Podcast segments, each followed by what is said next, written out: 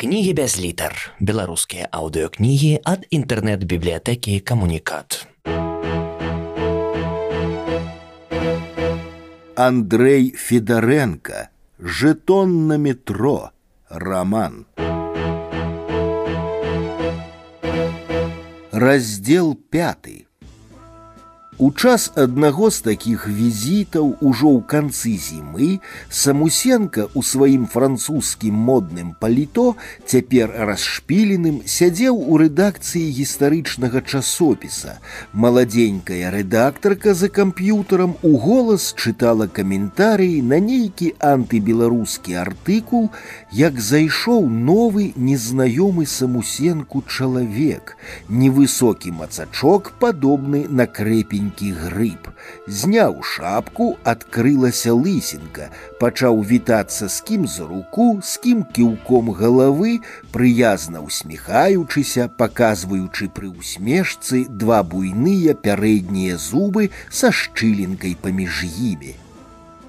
Калі б я быў маладзейшы і жыў у 19 стагоддзі, я б выклікаў яго на дуэль рэзка сказаў самусенка яшчэ знаходзячыся ў тэме артыкула чалавек з цікавасцю з адабрэннем на яго зірнуў затрымаў яго руку сваёй літаў самусенка дазвольце зрабіць вам запыт трэба казаць можна задаць вам пытанне паправілі яго так, дзякую, ужо звяртаючыся да ўсіх за заўвагу і прашу выбачэння, што пакуль не настолькі свабодна валодаю беларускай мовай, прашу і надалей, папраўляйце, вучыце мяне. Гаварыў ён па-беларуску з цвёрдым г і з мяккім ч, замест унескладовага в, паехав, прыйшоў, як паляк. Хто гэта? шэптам спытаў у рэдактаркі самусенко не ведаю ходзіць нешта піша літаў пачаў з месца ў кар'ер звяртаючыся і да самусенкі і адначасова да ўсіх можна задаць вам пытанне чаму няма масавай літаратуры по-беларуску як няма ёсць адказалі яму я маю на ўвазе адзін забойчы бестселлер Як няма, ёсць, вяла, відаць, у соты раз на такім узроўні няма ёсць, адказвалі яму. Каб адзін такі твор, як стрэл, як настольная кніга, хедлайнер. Нікому не хацелася ўцягвацца. Нарэшце дзяўчына сказала: У нас няма чытацкай масы, якую можна было б прааналізаваць і зразумець, што яна хоча. У нас сто ад сілы 200 чытачоў, якія сумленна чытаюць усё, што мы пішам. Але яны хутчэй блізкія сябры, суаўтары, чым чытачы. Чаму так?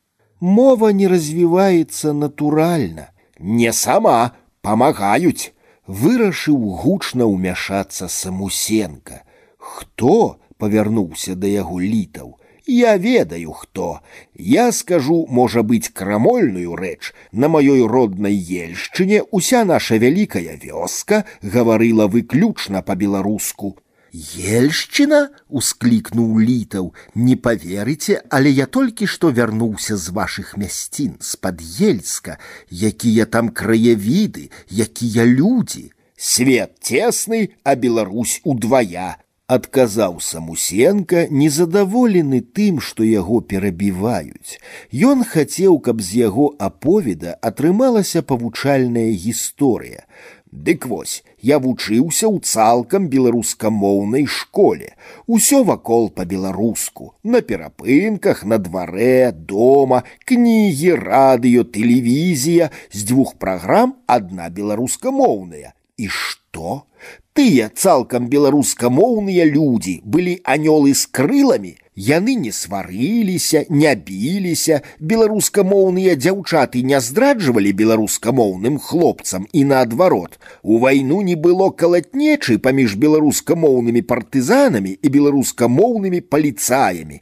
Што гэта значыць? А тое, што ў нас другое стагоддзе адна і тая памылка. Мы думаем, што мова панацэя, верым, што калі ўсе загавораць па-беларуску, дык аўтаматычна стануць разумнымі, смелымі і добрымі. Цяпер тренд, сказала рэдактарка, мода выратуе нашу мову. Праўда, гэта будзе ўжо іншая мова і літаратура, будзе новая літаратура. Не будзе, строга запярэчыў самусенка. Ніякай ні новай, ні старой літаратуры ўвогуле не бывае. Ёсць толькі таленавітае і не, што таленавітае, тое і новае. Як разумець вашы словы? спытаў літаў. А так, я людына вже стара і, можа быць, сучасную літаратуру не разумею, але здаецца мне, што яна ўсё больш робіцца пісьменніцкай, не ў пераносным, а ў прамым сэнсе. Пісьменнікі пішуць для пісьменнікаў, але нават такая літаратура павінна прыносіць найперш эстэтычную асалоду, сярдзіта казаў самусенка, а не пакуты, з якімі чытаеш тэкст, дзе ледзь не кожнае слово ўжыта няправільна, стаіць ракам і бокам і адно на адным едзе, праз якія пра прадзіраешся, як праз ржавы калючы дрот. А скажыце, Невядома, колькі б яшчэ гэта працягвалася, калі б ім не нагадалі, што яны не ў дыскусійным клубе і перашкаджаюць людзям працаваць. Выйшлі разам, каля рэдакцыі стаяў джип, літаў спыніўся каля яго, не хацелі развітвацца. А хто вы? спытаў самусенка у якой сферы працуеце літаратар не не угадалі гісторык не зусім ухіліста адказаў літаў а ведаеце што вы вельмі цікавы чалавек я маю да вас інтарэс ці не згадзіліся б вы з'ездзіць да мяне тут зусім недалёка хачу параіцца Самусенку даўно ніхто нікуды не запрашаў, таму было проста цікава глянуць, як жывуць такія людзі. Да таго ж ён вельмі любіў даваць парады. Паказаць вам сёе тое, адну рэч, літаратурную, хутчэй археалагічную, Дык вы археолог, зноў не ўгадалі не буду вас мучыць я працую ў лесаздабываючым канцэрне кшталту аўдытара у вас тут у беларусі много лесу адпаведна много наших філіялаў дык вось моя праца ездзіць па рэгіёнах інспектаваць цудоўная магчымасць пабачыць розныя мясціны гарады мястэчкі нават дзікія астравы як у мавра прыгажосць экзо экзотыка мне ва ўсялякім разе падабаецца. У машыне, прышпільваючыся рамянём, самусенка паляпаў па скураным сядзенні. Вось яшчэ наш беларускі крыж, машыны, пакуль у беларуса ёсць машына, яго з месца не скранеш. По дарозе літаў расказаў, што сам рускі родам з рассіі пабыў паўсюль, аб'ездзіў всю Еўропу, але нідзе не было лепш, чым тут. У Беларусі жыве ўжо тры гады, мае від на жыхарства, які дае права праз 10 гадоў стаць законным грамадзянінам. Засталося всяго сем, і за гэты час вы так далучыліся да нашай культуры, лічу сваім абавязкам і доўгам перад краінай крыху пафасна адказаў літаў якая мяне прытуліла хоць бы збольшага в агульных рысах ведаць яе мову гісторыю і народныя звычаі Машина выехала на кольцавую. Тут за горадам снегу было менш, чым у мінску. Проста ў лабавое шкло свяціла зыркае чырвонае сонца, якім яно ўмее быць толькі ў канцы зімы. Літаў, не сціхаючы ўсё расказваў пра сябе, што сувязей з Беларусю ў яго ніякіх, але цяга на генным узроўні заўсёды існавала. Напрыклад, калі чуў песню па-беларуску, заўсёды падымаўся камяк да горла і надыходзіла шчымлівае зачараванне даўнімі забытымі, як салодкі сон гукамі, нечакана ўспомненымі. Так ён выказаўся.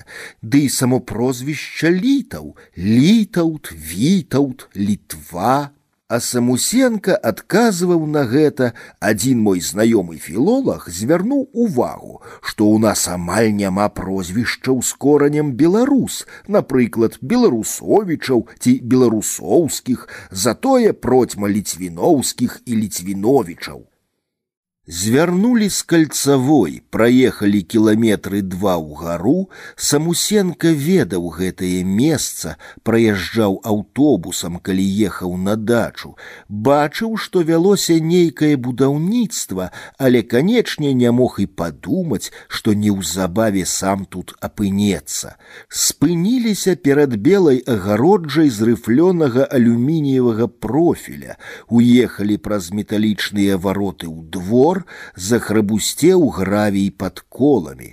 Самусенко выйшаў з машыны, дзверы гаража рассунуліся, пакуль літа ўставіў машыну, самусенко агледзеўся. На самым высокім месцы стаяў белы трохпавярховы дом под зялёнай металадахоўкай.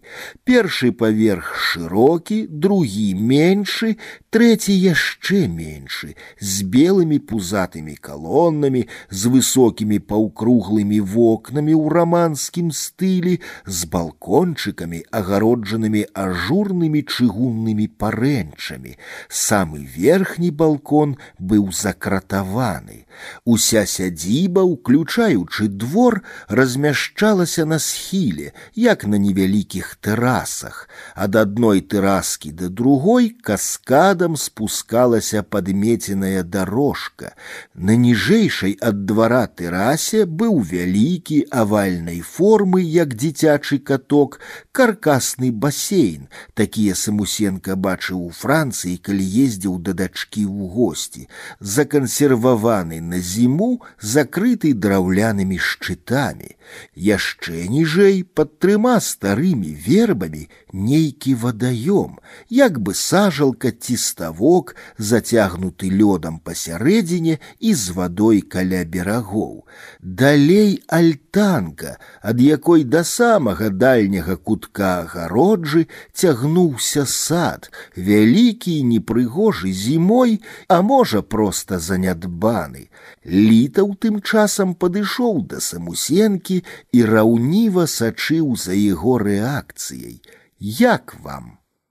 Самусенко прызнаўся, што чакаў раскошы, а тут не сказаць, каб вельмі, хаця ў параўнанні з маім лецішчам, канечне. І заўважце, усё гэта менш, чым за тры гады. Калі нас вазілі па ваколіцах і мы выбіралі месца, жонка хацела на гатовае, нагледзела старую дачу нейкага акадэміка ў ратамцы. Мне таксама спадабалася, я рэтраград у архітэктуры, люблю ампір, манументалізм, але то была дача, а значыць маленькі участак, суседзі, да таго ж там раней жылі людзі, а гэта нібы карыстацца скарыстаным.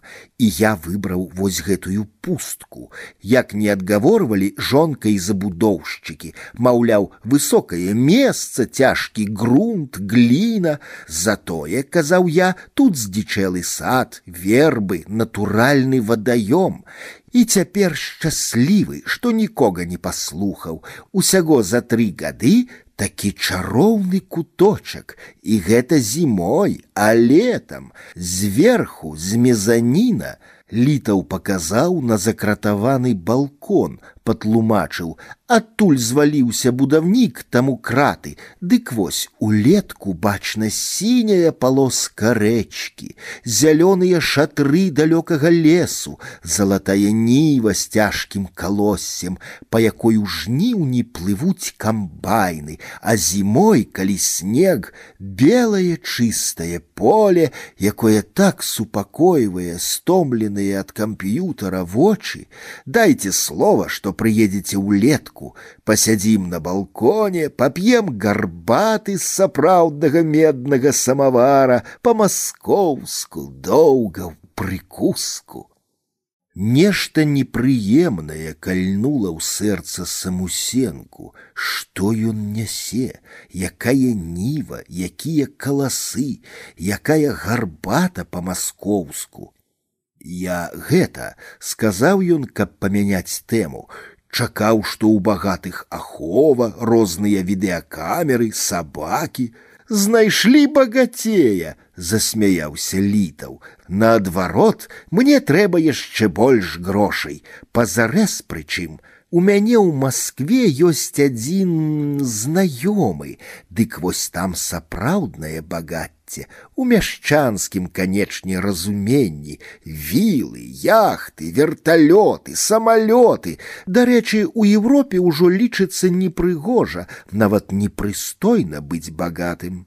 А хто даглядае гэта ўсё, прыбірае, падмятае, пацікавіўся самусенка, гледзячы на чыстую дарожку. Павінны ж быць нейкія спецыяльныя людзі. Увесь мой штат на паўстаўкі, інакш дорага. Ёсць дворнік, ён жа шафёр, ён жа садовнік, ёсць хатняя гаспадыня, яна ж кухарка, толькі ніяк у серыялах, пастаянна і з пражываннем, а два разы ў тыдзень прыбраць, нагатаваць абедаў, ёсць доктар, амаль свой, хатні, ёсць настаўніца прыходзіць да маіх дачушак. А цяпер, калі вы не супраць, пакажу вам свае владанні. І літаў, не даючы самусенку апамятацца, падхапіў і павёў яго, прытрымліваючы пад руку. Сцежка вяла ўніз прыступкамі, дзе цаглянымі, дзе драўлянымі, дзе проста выразанымі ў цвёрдай зямлі, зручнымі, так што самусенка і кійком не карыстаўся, тым больш літаў памагаў, спусціліся паўз басейн да стаўка. Прыродная сажалка натуральная, пахваліўся літаў. Крынічка пульсуе, паспытайце, папіце. І самусенка вымушаны быў нагнуцца, крэкнуўшы ад болю ў спіне і зачэрпнуць далоняй сцюдзёнай вады, змачыць губы і пахваліць.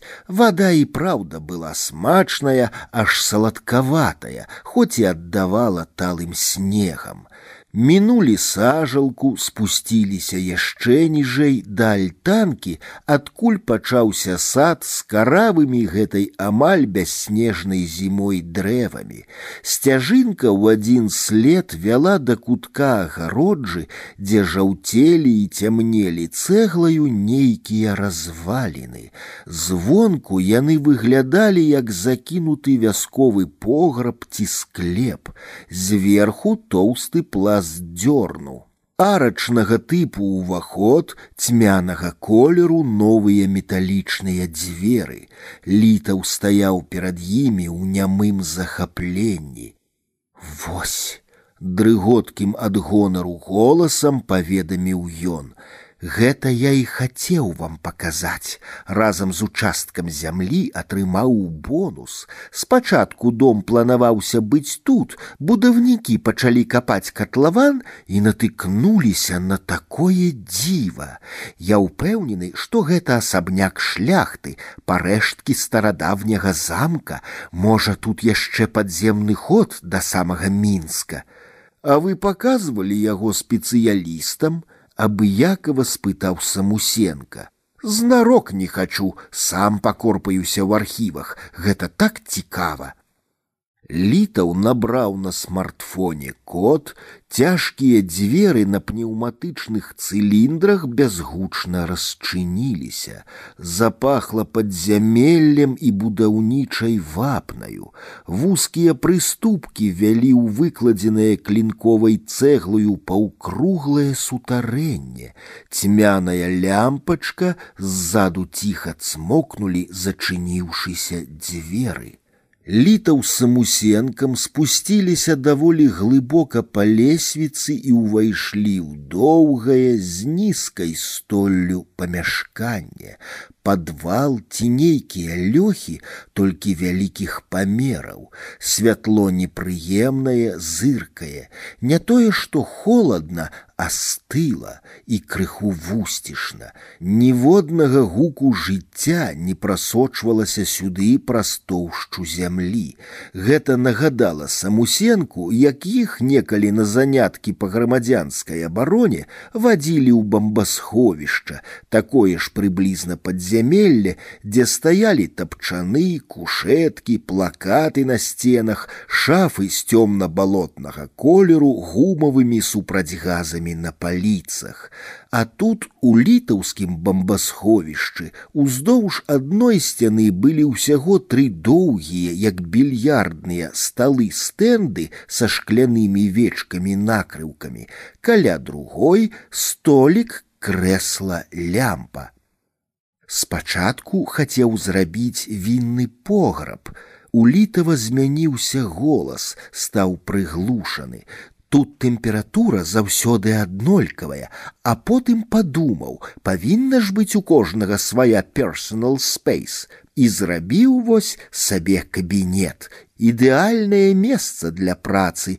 Мабільнік не бярэ, вай-фай не ловіць, нішто не перашкаджае, поўная ізаляцыя. Я б не сказаў, што комфортна, азірнуўся самусенка. Так, з двара дзверы можна адчыніць толькі на званок з майго мабільнага, знутры ўручную трэба ведаць код, а я мяняю яго кожны раз, як сюды заходжу, не пазайздросціў бы я чужому, які тут апынецца. Ад адной клаўстрафобіі можа разарвацца сэрца. І раптам, гледзячы ў бок, літаў задумліва, нібы сам сабе прамовіў. Вось бачыце, не трэба ні девятнаццатага стагоддзя, ні дуэляў, дастаткова паставіць палец на курсор і націснуць, як на курок. Ды ён вар'ят, халадзеючы падумаў самусенка, але літаў схамянуўся і пачаў расказваць далей. У мяне мара зрабіць у гэтым сутарэнні музей, толькі незвычайны краязнаўчы, а музей фальшывак, разумееце, сабраць рознае багацце, напрыклад, спарахнелыя паперы, на якіх нібыта вершы і паэмы міцкевіча на беларускай мове, нібыта фрывольныя навелы з карыны, невядомая аповесць Яна баршчэўскага, напісаная беларускай кірыліцай, крыж еўфрасінні з медзі і з фальшывымі каменнямі, падробныя слуцкія паясы, куча несапраўдных шчарбатых талераў і берасцяных грамат шыфровак. Разумееце, не музей артэфактаў, а музей падробак. Навошта? Ха, я чакаў гэтага пытання, по прынцыпе магнетызму. Вы ведаеце, што рэчы прыцягваюцца. У дзяцінстве ў мяне быў вельмі прыгожы шкляны шарык і неяк згубіўся ў траве. Я зляпіў з хлебнага мякіша такі самы, кінуў траву прыблізна на тое ж месца і з першага разу знайшоў. Яны ляжалі побач. А то раз на пошце згубілася важнае пісьмо, і вось што я прыдумаў, напісаў і паслаў пісьмо самому сабе, што ж вы думаеце, мне аддалі два. Так і тут можа падробкі хутчэй прыцягнуць да сябе сапраўднае. Самусенка адчуў, што яму не хапае паветра, нястерпна захацелася адсюль наверх Але я так мало ведаю. Было б здорово, калі б вы з вашым аўтарытэтам, з вашымі ведамі пагадзіліся быць маім кансультантам, вучылі б мяне, падказвалі, увялі ў літаратурна-культурны асяродак, пазнаёмілі з творчай элітай, не за бясплатна, само сабою. Не, здаецца, нармальны хлопец, з палёгкай падумаў самусенка Літаў прызнаўся, што спрабуе пісаць кнігу на гістарычную тэму, сабраў усе магчымыя, якія толькі знайшоў у інтэрнэце гіпотэзы стварэння і гістарычнага і сацыяльнага развіцця Беларусі і цяпер прэтэндуе на стварэнне яшчэ адной сваёй уласнай гіпотэзы. Магчыма такое, як вы падлічваеце, лічыце, паправіў самусенка, які пакрысе рабіўся самім сабою. Што ж, можа сапраўды чужому відней, прыйшоў жа некалі збоку рускі мулявін і вунь на якую вышыню ўзняў беларускую песню, мо і вам удасца зрабіць тое самае з гісторыяй. Дамовіліся, што літаў будзе даваць яму раздрукаваны тэкст порцыямі раз на месяц. Толькі я папрашу, хай гэта будзе між намі, не хачу розгаласу. Гэта і ёсць ваша таямніца, спытаў самусенка. Не, не яна. Thank you